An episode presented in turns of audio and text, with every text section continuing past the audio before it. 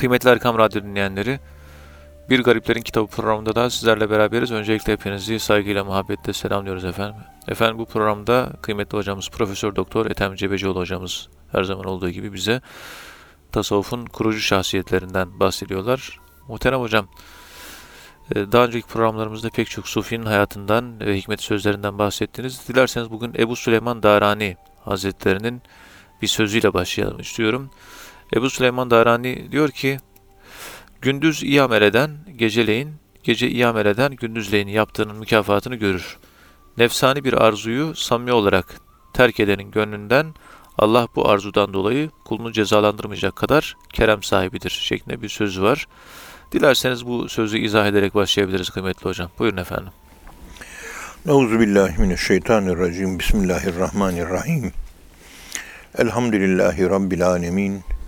Ve salatu ve selamu ala Resulina Muhammedin ve ala alihi ve sahbihi ecmain ve bihi nesta'in. Evet, muhterem dinleyenlerim, hepinizi sevgiyle, saygıyla selamlıyorum. Cenab-ı Allah sohbetimizi Mürşid-i Kamil'in sohbeti gibi eylesin. Amin. Efendim Ebu Süleyman Darani Suriyelidir. Daran Suriye'de Şam'a yakın bir bölgedir. Vefat tarihi işte 830 miladi 215 hicri. Evet.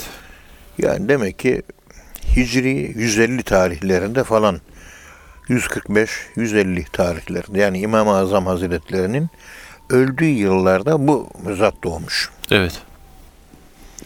Ya çok büyük bir zat Süleyman Darani Hazretleri. Şimdi gündüz salih amel işleyen bir kimse gecesi o gündüzün devamı olduğu için bereketli olur.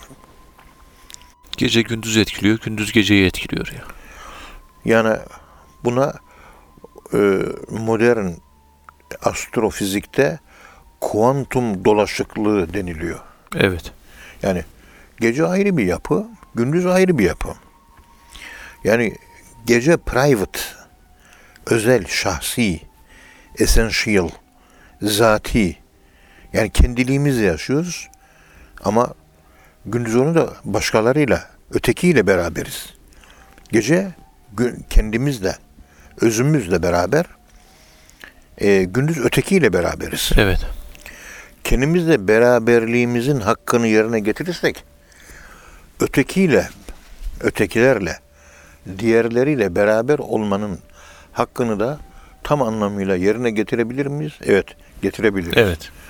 Bu bizim tasavvufi hikmetlerde bu kuantum anlam dolanıklılığı en sonunda vardığı netice itibariyle bir güzellik, efendim söyleyeyim bir hikmet, efendim söyleyeyim e, güzel bir nasihat ve değişmez diyebileceğimiz e, sabit gerçeklikler, evet. hakikatler oraya kadar giden bir özellik var bu cümlelerde. Yani dışından insanların gördüğü şekliyle düzgün olmayan, muvaffak olabilen bir insan kendi özelinde, içinde de düzgün olur. İçinde bir hata varsa iç öz, özel hayatında, dış hayatında da ona yansıyan e, sarsılmalar, kaykılmalar, quake denilen zelzeleler ve deprem olur ve birbirlerini etkiler ikisi. Evet. Biri özel, biri genel. Gündüz geneldir. Genele açılıyoruz. Ekstroversiyel bir hayat açılımı var dışa doğru. Öbürü de introversiyal, içe doğru bir hayat yani özel. Kendimi yaşıyorum ben. Başkasını yaşamıyorum. İnsan geceleyin ibadetle meşgul olur, gözyaşı dökerse onun tesiri gündüz yaptığı işlerde gözükür. Yanlış iş yapmaz. Evet. Geceleyin boşa vakit geçirirse, geceleyin yanlışlıklar yaparsa, efendim söyleyeyim ibadetsiz olursa, Allah'ı zikretmezse, günahına tövbe etmezse, Gece nefis muhasebesini iyi yapamaz. Gece kendini tartışmaz ve kendini tartışmayarak tartmaz da ve kendini bilemezse o insan gündüz de aynı savrulmayı onun devamı olarak devam ettirir. Evet. Onun o savrulmayı gündüz de aynen devam ettirir. Bu kuantum dolaşıklığı her şey birbirini etkiler. Ama aklımızın almayacağı bir şekildeki etkiyle etkiler. Buna şunu ben örnek vermek istiyorum. Ummadık sebepler ummadık sonuçlara götürüyor. Ve sonuç diye gördüklerine bakıyorsunuz sebep olarak ortaya çıkıyor. Ve sonucun da sonuçları var. O sonucun da sonuçları var. Evet. Ve sebeplerin de sebepleri var. Nihayet sebeplerin de ilk sebebi var. O da Allah'tır. Sonların sonuçlarının sonuçları el ahir olan Allah'tır. O da Allah'tır. Ve sebepler ilk müsebbibül esbab el evvel ismiyle Cenab-ı Allah'tır. İlk ve son odur. O evvel ve ahir isimlerinin arasındaki manevi nüvazişler, manevi böyle letaifler ve insanı hayrete bırakan ince efendim söyleyeyim gerek anlam yapıları gerek somut manada gözümüzle gördüğümüz olayların kendileri insanı hayrette bırakıyor. Evet. Ne yaptılar? Mesela veba bütün Avrupa'yı kavurdu. Bir veba salgını geliyor taun. Bütün Avrupa'nın üçte biri ölmüş. Evet. Bir geliyor yarısı ölmüş. Bir geliyor dörtte biri. Her 10 senede bir, her 20 senede bir kıran geliyor. Böyle 40 sene, 30 sene değil.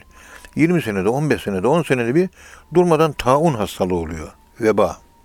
Sebebi şuymuş bunun. İşte Vatikan'da papaz 1348 senesinde veya 1248 senesinde erken zamanlarda yani papaz Gregorios, 12. Gregorios ve hatta işte öyle bir isim aklıma öyle geldiği için öyle söylüyorum. Kediler şeytandır, cindir. Dolayısıyla gördüğünüz kedilerin tamamını öldürün diyor. Hmm, kediler öldürüyor. Tabii. Kedileri hakikaten bütün Avrupa'da öldürmüşler. Biz de evde besleyebiliyoruz. Köpek değil, kedi. Efendim, kediler ölünce fareler çoğalıyor. Fareler çoğalınca fareler üzerlerinde taşıdıkları bitlerde kanlarında o veba hastalığının mikropları var Veba taşıyor. o her tarafa fareler istila edince o bitler insanlara da sıçrıyor. İnsanın etini ısırıp da kanını emdikleri zaman kendi kanlarından insanların kanına nakil yapıyorlar. Mikrop da nakloluyor. Bu sebebi bu kadar basit. Kedilerin Evet. öldürülmesi. Saçma sapan bir fetva. Kediler, kediler bir denge sağlıyor demek ki. Şatoda yaşayan asiller, kendi özel kalelerinde yaşayan asiller, bu durum bildikleri için Vatikan'daki papazın, Gregorios'un vermiş olduğu fetvaya uymuyorlar. Bol bol kedi besliyorlar ve kalelerde asla fare bulunmuyor ve kalelerde hiç veba hastalığına rastlanmıyor. Evet. Kalelerde yaşayanlar hastalanmıyor. Kedi beslendiği için. Bakın denge nasıl bulunuyor. Denge. Efendim dünyamız işte oksijenle hayatta. Oksijen var, yaşıyoruz. Evet. Yüzde 21 oranında oksijen varmış veya yüzde 23 oranında. İşte azot var, karbondioksit var vesaire. Şimdi oksijenimizin en çok dünyada oksijen üreten diatomeler var. Diatome bol miktarda Pasifik okyanusunda denizde yaşayan yosun. Çok hızlı ve bol miktarda oksijen üretiyor. Evet. O büyük okyanus, o Pasifik okyanusu, uzaydan satellitler, uydular baktıkları zaman denizin içindeki o yosunlar çok ince, Böyle ilginç bir yosun böyle ya- yapraklı falan da değil. Böyle yosun işte nasıl tarif edeyim süngerimsi bir yapısı var. Yemyeşil ve pırıl pırıl böyle denizin rengine renk katıyor. Koyu mavi deniz oralarda turkuaz mavisine dönüşüyor. Indigo mavisinden turkuaz vadis, e, mavisine dönüşüyor. Evet. Ölçüm yapıyorlar. Oralarda hakikaten çok oksijen üretiliyor. Şimdi o oksijenle de biz işte yaşıyoruz.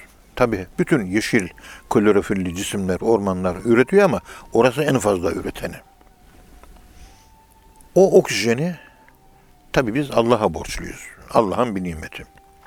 Şekli planda ise biz o oksijeni vahidçiyim şekli planda önce Allah sebebin sebebi sebebin sebebi diyoruz. Sahra çölünün kumlarına borçluyuz. Evet. Allah Allah. Şimdi Pasifik Okyanusu nerede? Afrika nerede? Afrika nerede? Hı. Arada 20 bin kilometre mesafe var. O çölün, Sahra, Afrika'nın üçte biri çöl. İşte Kalahari çölü, güneyde bir çöl. Kuzeyde de Sahra çölü var biliyorsunuz. Evet. Şimdi bir bağlantı kurmak lazım. Bilim adamları bulmuş, yayınladılar bunu. Dünyamızın biz oksijenini e, Sahra çölünün kumlarına borçluyuz. Sahra çölü ölü bir yer. Hiçbir kimse yaşamıyor. Ancak o oasis denilen böyle vadiler, e, vahalar var. Vahalarda yaşıyorlar.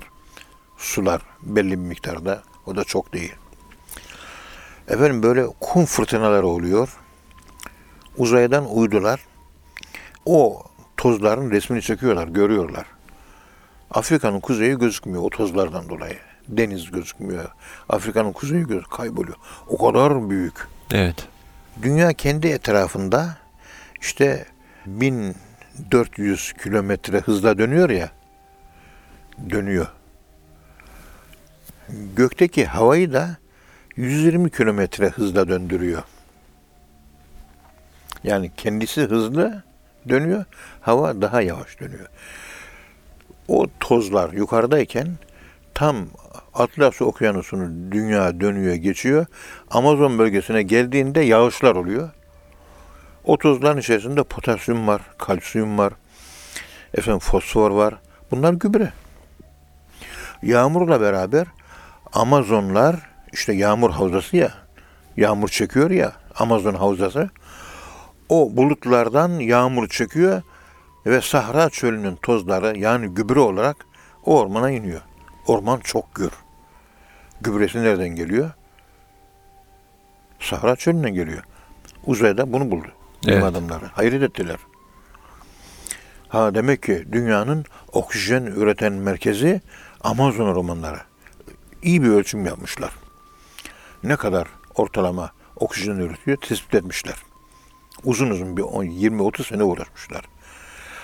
Ama Amazon üretmiş olduğu oksijeni yine kendi tüketiyor. Dünyaya oksijen vermiyormuş. Hmm, ürettiğini tüketiyor. Niye?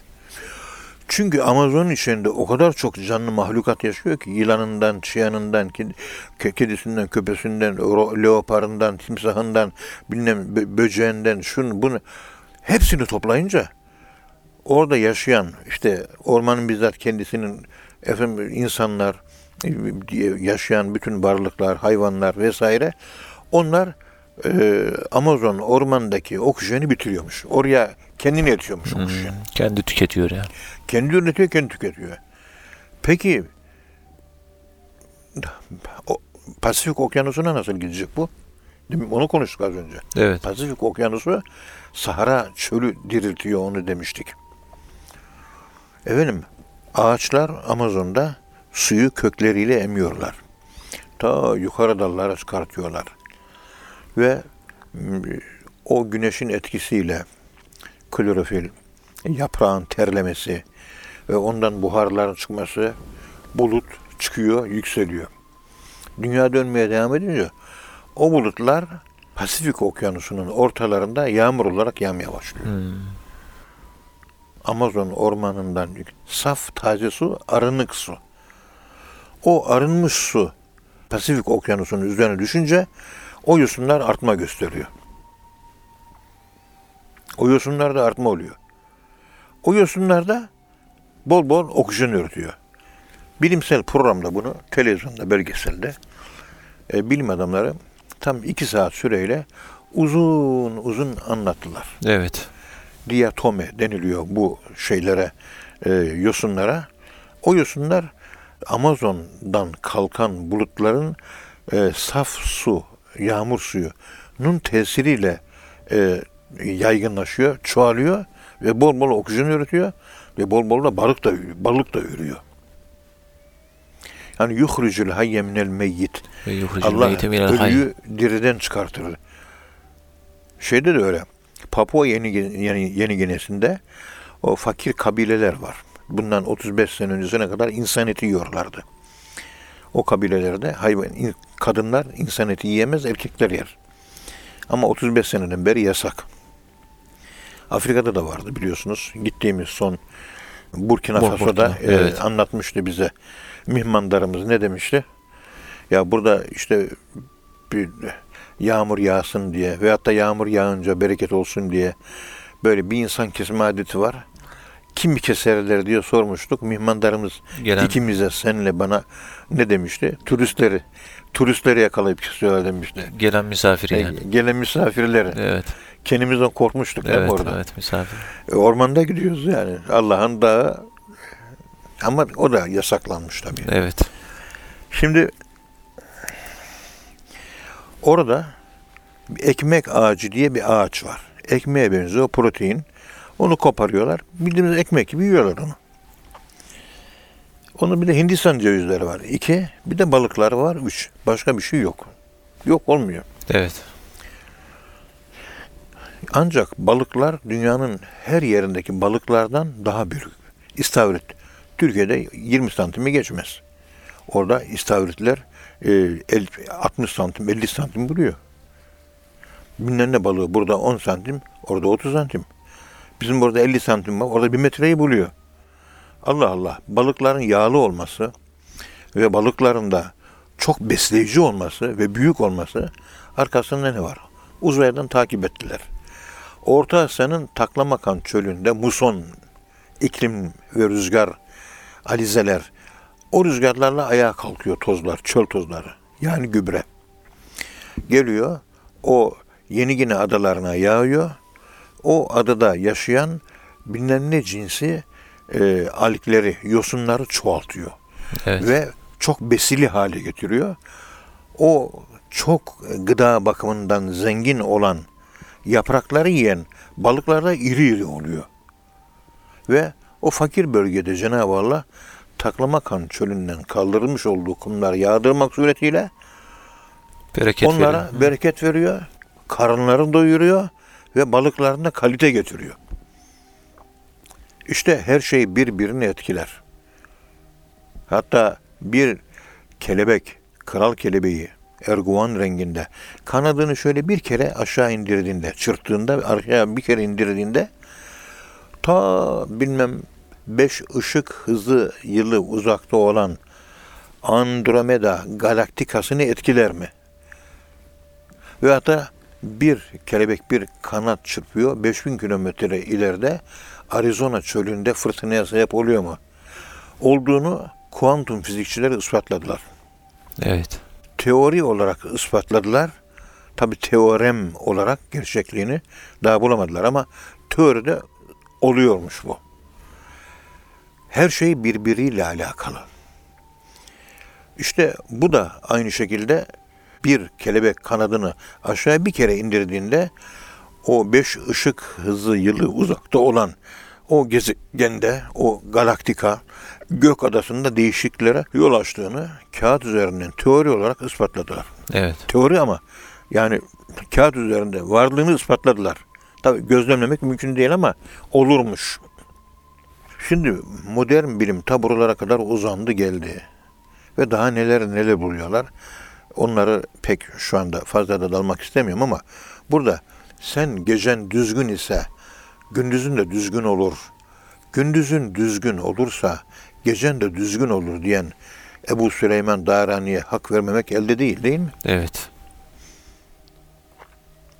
Gecemiz gündüzümüz, Etkiliyor. gündüzümüz gecemiz. Gecem gecen nasıl?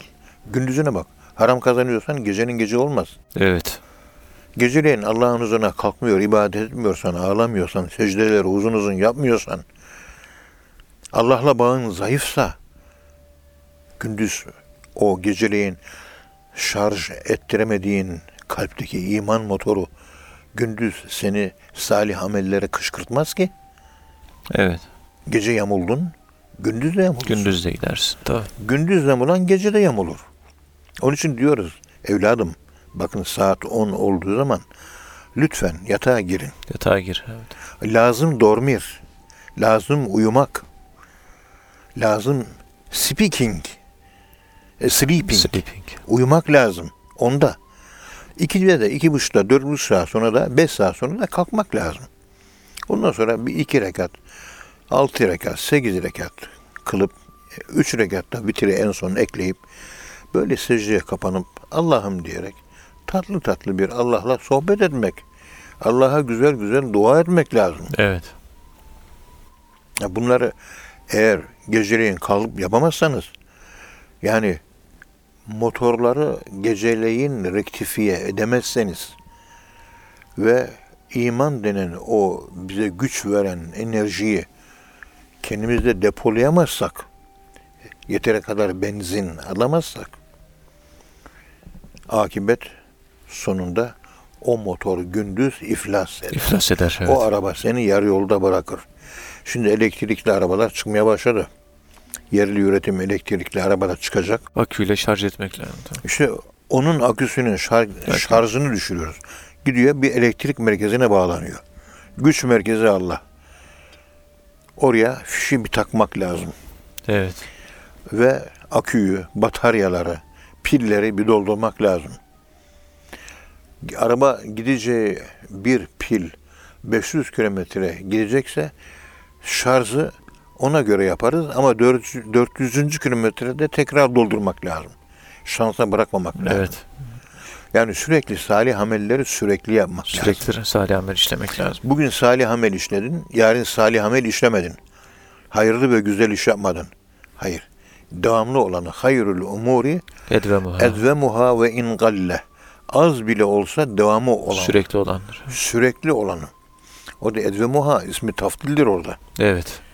O e, devamlı olması, ismi tafdil olması mübalağa ile, ısrar ile devam edelim diyor. Evet. mübalağa ile ve ısrar ile salih amele devam. Şu işin püf noktası o. Bırakmamak lazım. Bu motorların şarj edilmesi lazım. Şu mübarek zaten buradaki Süleyman Darani Hazretleri kendisini şarj edemeyen bir kimse nefsani duyguların esiri olur. Ve nefsani duyguların esirini olunca da yarın Allahü Teala Hazretlerinin ahirette cezalandırmasına hak kazanır ve Allah'ın ilahi adalet divanında intikam pençesinden kurtaramaz. Allah korusun. Evet. Evet kıymetli dinleyenler programımızın birinci bölümünün sonuna geldik. İkinci bölümde tekrar birlikte olacağız inşallah. Efendim şimdi kısa bir ara. huzur bulacağınız ve huzurla dinleyeceğiniz bir frekans. Erkam Radyo, Kalbin Sesi.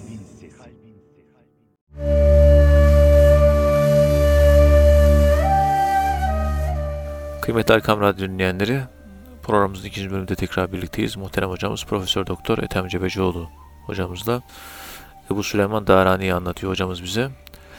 Muhterem hocam yine Ebu Süleyman Darani'nin şöyle bir sözü var. Bir kalbe dünya gelip yerleşirse ahiret oradan göç edip gider. Yani dünya varsa ahiret yok. Ahiret varsa, ahiret sevgisi varsa dünya sevgisi olmayacak şeklinde bir sözü. E, dilerseniz bu sözü izah ederek devam edebiliriz muhterem hocam. Buyurun. Euzubillahimineşşeytanirracim. Bismillahirrahmanirrahim. Elhamdülillahi Rabbil alemin. Ve salatu ve selamu ala Resulina Muhammedin ve ala alihi ve sahbihi ecmain ve bihi nestaîn. Evet muhterem dinleyenlerim, Allah dostu Ebu Süleyman Darani Hazretlerinin hikmetli sözlerinden bir tanesi de bu. Bir kalbe dünya gelip yerleşirse ahiret oradan göç edip gider, ayrılır. Böyle cümleleri okuduğumuz zaman vahiyçiyim, burada hangi kelimeyi birkaç defa tekrarlarsam anlamında bir özgül ağırlık artması, anlamında bir şiddetlenme oluyor. Evet. Burada yani bu cümledeki özgül ağırlığı en fazla olan kelime hangisi bu cümlede? Hangisi acaba? Fakire göre baktım ki anlayabildiğim kadarıyla affınıza da sığınarak söylüyorum. Sağ ol. yerleşmek. Yani dünyayı sevmek değil. Dünyayı hepimiz seviyoruz. Sevginin yerleşmesi. Yani dünyayı öznelleştirmek. Yani dünyayı içselleştirmek. Dünya inancımızın dominant ögesi haline gelmesi. Birincil etkimiz, etkilenişimiz dünyadan. Ahiret konusunu konuşuyoruz. Bir etkilemiyor bizi. Ama dolar şu kadar oldu. Cumhuriyet altını bu kadar oldu. BIST bu kadar. TEFE bu kadar. üfe bu kadar deyince hemen gözlerini açıyor. Kur'an-ı Kerim uyutuyor. Para deyince gözü açılıyor. Böyle bir tabloyla karşılaşırsan bu tablonun karşısında Süleyman Darani Hazretlerini konuşturursan, bu ifadesini söylersen, o cuk diye yerine oturur mu? Oturuyor. Tencere yuvarlanır, kapağını bulur mu? Evet bulur. Evet. Ve bu konuştuğum günümüz Müslümanının realitesi değil mi? Evet, Evet. realitesi. Realite tabii. Neden şikayet yanıyoruz biz? En büyük şikayetimiz Müslümanlar Dünya- Müslümanlığı yaşıyor Dünyevileştik yani. ve Allahsız Müslümanlık yaşıyor. Sık sık biz bunu söylüyoruz. Yani hayatımızda Allah gözükmüyor. Hayatımızın merkezinde Allah yok. Kendimizi Allah'a göre dizayn etmiyoruz. Paraya göre, eğlenceye göre, e, altına, gümüşe göre, şöhrete, makam, mevkiye göre dizayn ediyoruz. Maalesef. Zengin gelince ayağa kalkıyoruz, saygı gösteriyoruz. Fakiran, gariban, yoksul, böyle e, toplumun müstadaf kesiminden birisi geldiği zaman dönüp bakmayı bile kendimize zül addediyoruz. Yani beğenmiyoruz. Beğenmiyoruz. Evet. Demek ki dışına bakarak hükmediyoruz ve ona göre değer veriyoruz ve değerlendiriyoruz. Halbuki Allahü Teala inna Allah la yunzuru ila suverukum. Allah sizin dış şeklinize bakmaz. Allah özünüze bakar. Bel ila kulubikum. Özünüze bakar. Ve amalüküm ve yaptığınız amellere bakar. Burada Süleyman Darani Hazretleri dünya gelip kalbe yerleşirse dünya sevgisi bir makam haline gelmiş. Makam sabitliği ifade ediyor. Makam sabitliği ifade ediyor. Sabitleşirse, yani yerleşirse, sabitleşirse. Yoksa normalde hepimiz dünyayı seviyoruz. Ancak takılıp kalmamak meselesi. Evet. Takılıp kaldığınız zaman, dünya sevgisi merkeze alındığı zaman o zaman problemler baş gösteriyor. Ahireti seven az yani hocam. Ahireti. Öyle ahiret merkez çalışan Evet. az. Yani efendim haram lokma çoğaldı. Haram haram lokma çoğaldığı için artık e, bu haram vücuttan artık evliya yetişmiyor. Evet. Bu Bandırmalı Nazım abimizin hayatını hamdolsun yazdık, bitirdik sayılır. Artık son sayfalarına geldim. Elhamdülillah. Belki bu şeyimiz, konuşmamız yayınlandığında kitapta yayınlanmış olur muhtemelen. İnşallah. Orada Ziraat Bankası Bandırma'da var. Müdür yardımcısı efendim söyleyeyim dindar birisi. Evet. Ve Bandırmalı Nazım abi de çok seviyor. E o da tüccar. İşte halı falan satıyor. İşte dokuma satıyor. Tuhafiyecilik falan. Mesleği bu. Yani İmam-ı Azam Ebu Hanif Hazretleri'nin yaptığı mesleği yapıyor Nazım abimiz. Evet. Allah rahmet eylesin. İşte oğulları Ekrem'le, Ekrem Bey'le, e, Mehmet Bey'le beraber meslekleri işte halıcılık, manifaturacılık vesaire. Şimdi tabii son zamanlar tamamen halıcılığa dönüştü. Çok sevdiği için Nazım Efendi'yi banka müdür mavini, Ziraat Bankası'nın müdür mavini şey yapıyor. Ee, böyle e, kredi meselesi söz konusu. Ee, kredi alması için evrakları hazırlatıyor.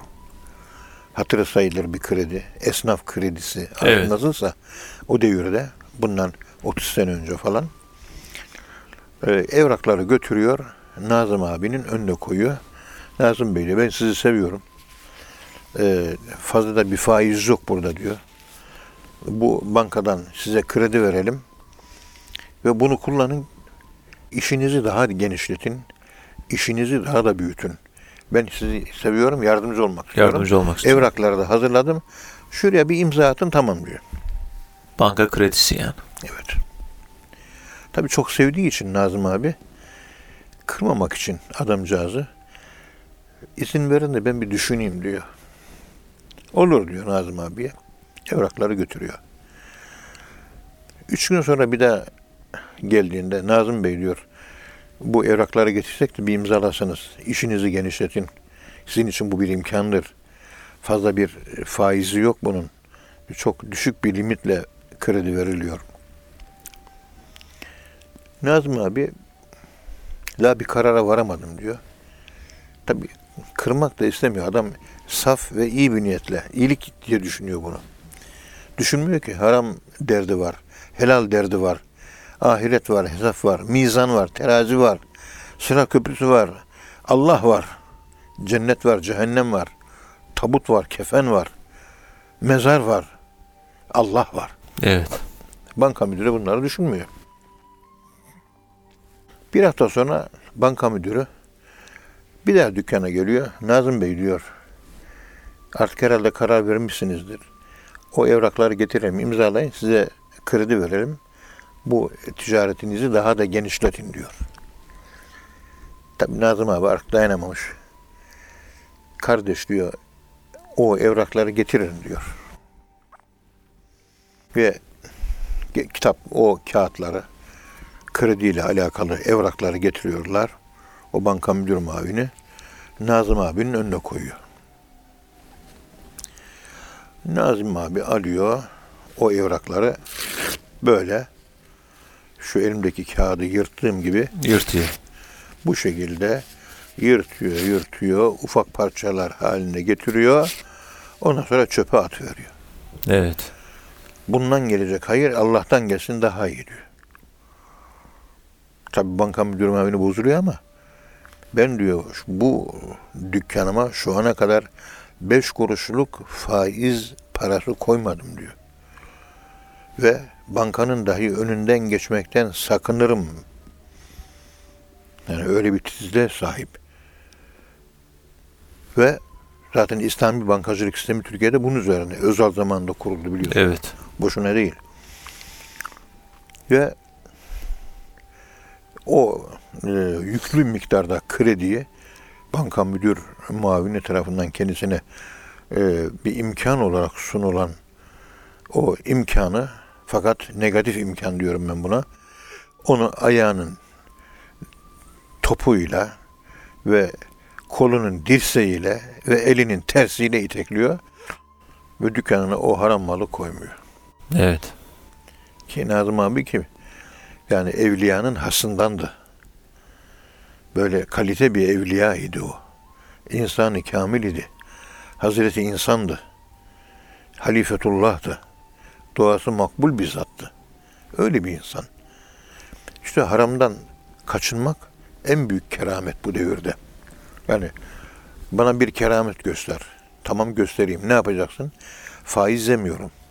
Bitti. En büyük keramet bu. Evet. Faiz dememek en büyük keramet bu devirde.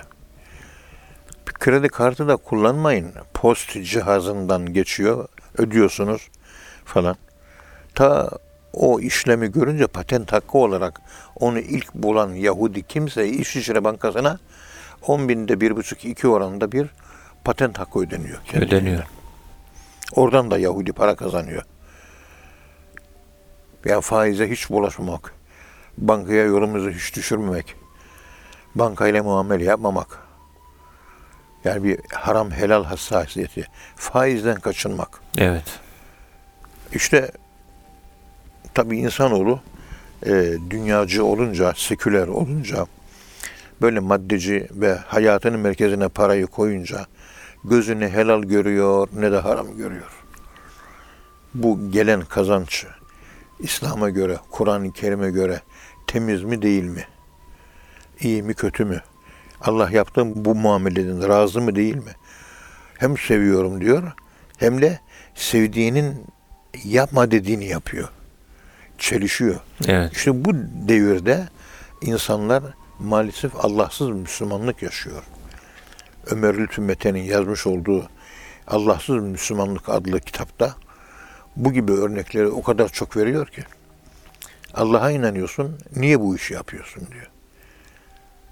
Varsa salih, Allah bunu yapamazsın diyor. Yapıyorsan da sana göre Allah yok. Ve hatta yokmuş gibi davranıyorsun Evet. Çelişkiyorsun. Bugünün Müslüman aklı kendisiyle çelişki halinde ve kendisini tartamıyor maalesef. Kendisinin dışına çıkıp da kendi halini göremiyor. Kendi adresini bulamıyor. Ve koordinatlarını kaybetmiş şaşkın vaziyette. O dilaletül hairin diyor ya, aklı karışıklara kılavuz diyor. İbn Meymun o Yahudi e, kelam bilim adamı öyle söylüyor yani. Aklı karışıklara kılavuz, delil, rehber, guaydır. İşte Hz. Muhammed Mustafa sallallahu aleyhi ve sellem. İşte Kur'an-ı Kerim. Ne diyorsa ondan ibarettir. Ahirette yargılanmamız Kur'an-ı Kerim'e göre olacaktır. Bizim Evet. kafamıza göre, kendi kurguladığımıza göre değil. Allah'ın bizzat ilahi, ezeli, ebedi kurgu neyse o kurguya göre bu hayat tiyatrosunu oynamak zorundayız. Allah'ın bizden beklediği bu zaten. Evet. Dolayısıyla kalbe dünya sevgisi gelir yerleşirse ahiret ve ahiretle ilgili duygular efendim söyleyeyim hesap efendim sırat falan pek çok işte terazi efendim söyleyeyim hesaplaşma hak alışverişleri cennete veya cehenneme girme bu gibi konular artık o kimse düşünemez hale gelir gündeminden çıkar. Onun gündemi Cumhuriyet altını bugün kaç lira oldu, dün kaçtı. Biriktirdiğim şurada 50 tane Cumhuriyet altını var. Dün o altınlar 67 bin lira ediyordu. Bugün 67 bin 500 ediyor. Ha 500 lira kazandım. Bununla mutlu oluyor. Yani dünyalık bir kazanç mutlu ediyor Evet. para mutlu ediyor. Düzgün e, ayet-i kerimede diyor ya ve mesakine tayyibeten terdavneha içinde oturmaktan razı olduğunuz E- evler. lüks evler, kaliteli ev, gönlüme göre bir ev. 395 metrekare, bunun 120 metrekaresi efendime söyleyeyim, balkon, işte 10. kat, bulunduğum şehrin her tarafını görüyorum. Dört tane oda var. Odaların her biri 40 metrekare. Üç tane tuvaleti, dört tane banyosu var. Efendim söyleyeyim bilmem nesi var. Evet. Anlatıyor, anlatıyor. Bundan da zevk duyuyor anlatmaktan. Hadi gel seninle bir hadis okuyalım. İki tane hadis okuyorsun, esnemeye başlıyor. Sıkılıyor yani. Ve canım sıkılıyor diyor. Ve Ezan okunuyor, ezan heyecanlandırmıyor. Ama bakıyor ki Benfica Real Madrid maçı var televizyonda. Ağzını açarak, ağzın içine sinek kaçarak, dikkatle o maçın içine girerek, onu hal olarak yaşayarak, onunla bütünleşerek, heyecanı duyarak, gol atıldığı zaman gol diye yerden iki metre havaya fırlayarak, kaleci topu yakalayadığı zaman kendisini yere atarak, vay diye böyle bağırıp küfrederek, o maçı öyle izliyor. Kendinden geçiyor. Gaybet hallerine giriyor. Ezan okununca da duymamak için pencereyi kapatıyor. Bir beş dakika dinleyecek. Canı sıkılıyor. Namaz kıldığın zaman ayak İza kamu ila salati kamu küsala tembelaki kalkıyor. Tembel tembel kalkıyor. Evet. İlk namaza kalkacağı sırada bu ayet-i kerimeye benzememek için hiç unutmuyorum. Ahmet Dayhan Efendinin Allah rahmet eylesin. Büyük Allah dostu Hatice annemizin mezarının hemen yanı başına mezarı. Dua etmiş. Duadan 16 saat sonra ölüyor ve ölüyor ve 16 saat sonra o mezara giriyor. Öyle bir zat. Evet. Yani Ahmet Dayhan Efendi'nin orada tabi hayatını yazdığımda dikkatimi çeken bir husus vardı. O husus şu. Diyor ki orada dikkatimi çeken husus olarak çok dikkatimi çekti ama. Mesela namaz kılacak, ayağa kalkacak değil mi? İşte Muhittin anlatıyor. Ee, diğer torunu anlatıyor. Aynen şöyle. Namaza mı? Birdenbire sıçrayarak ayağa kalkar. Yavaş yavaş değil. Sıçraya kalkar. Bu seri hareketlerle hemen seccadeyi serer. Hemen namaza durur. Hemen Allahu Ekber der namaza başlar diyor. Ama sıçraması, seccadeyi alması, durması, okumaya başlaması 2-3 saniye kısa bir zaman içinde olur. Fişek gibi ya. He. Yani bir yarım saatte doğrulacak. Ayağa kalkacak. Ayakta şöyle bir gerinecek. Of of diyecek. Ondan sonra yavaş yavaş seccadeyi koyacak. Tembellik makamında bir ilahi okuyarak. Efendimiz Söyleyeyim uyku makamında süzülerek. Gözleri yer kapalı, aklı sağda, gözü solda. Ve sallana sallana. Kendinden haberi yok. Allah'ın huzurunda huşusuz bir namaz kılacak. Böyle bir tablo varken Ahmet Dahen Efendi gibi bir Allah dostunun kıldığı zinde namaz. Öbürü morde namaz. Morde namaz, ölü namaz. Ölü namaz. Zinde namaz, diri namaz, dirilten namaz. Yani orada düşündüm, düşündüm. Yani hakikaten insanlar böyle kalkarken, böyle namaza kalkarken ayet-i kerimede gamu küsala tembel tembel kalkarlar diyor. Evet. Yani isteksiz namaz kılar. Münafıkların özelliklerinden. Bu münafıkların özelliği. Orada feveylül lil musallin ellezine hum an salatihim sahun. Namazlarında gevşektirler diyor. Evet. Ve namazlarında sehvederler diyor. Ve hatta başka bir tefsire göre namazlarını geç kılarlar diyor. Vaktinde kılmazlar diyor. Namazdan çalarlar. namazdan çalarlar diyor. Gerçekten yani buradaki mübarek zatın dediği gibi Süleyman Darani Hazretleri ta 1300 sene önce söylemiş bu sözleri. Bir kalbe dünya gelir yerleşir. Dünyayı sevme makamında olan kul ahirete sevme makamından uzaklaşır. Biri gelince diğeri kaybolur. Muhafaza etmek lazım korumak lazım. Yani namazı seveceksiniz. Merkezde olacak. Hayrul amali ehabbu ilallahi teala. Eyyül amal hangi amel ehabbu ilallahi teala Allah'a daha sevgilidir. Peygamberim diyor ki Es-salatu li vaktiha Ezan okunur okunmaz kılınan namaz. Vaktinde kılınan namaz. cihat demiyor. Anneye babaya itaat demiyor. Efendime söyleyeyim oruç demiyor. Hac demiyor. Zekat demiyor. Namazın kendisini de söylemiyor. Kendi değil. Namazın ilk vaktinde kılınışı. Evet. Namazın ilk vaktinde kılmak belki namazdan daha faziletli. O ilk vakitte ne var? Bir ihlas var. Samimiyet var. Verdiğin ahdini, Allah'a verdiğin sözünü tutmak var. Sahtekarlıktan kurtuluş var. İnşaat var. Diriliş var. Diri diri kalkıyor ayağa. Evet. Dimdik kalkıyor ayağa. Taze kalkıyor. Zinde kalkıyor. Evet Vahitciğim. Evet hocam. Yani- Allah, Allah razı olsun. Bu eleştirileri yaparken aklıma hep şu geliyor. Yani nihayet bizler Allah'ın acizane kullarıyız.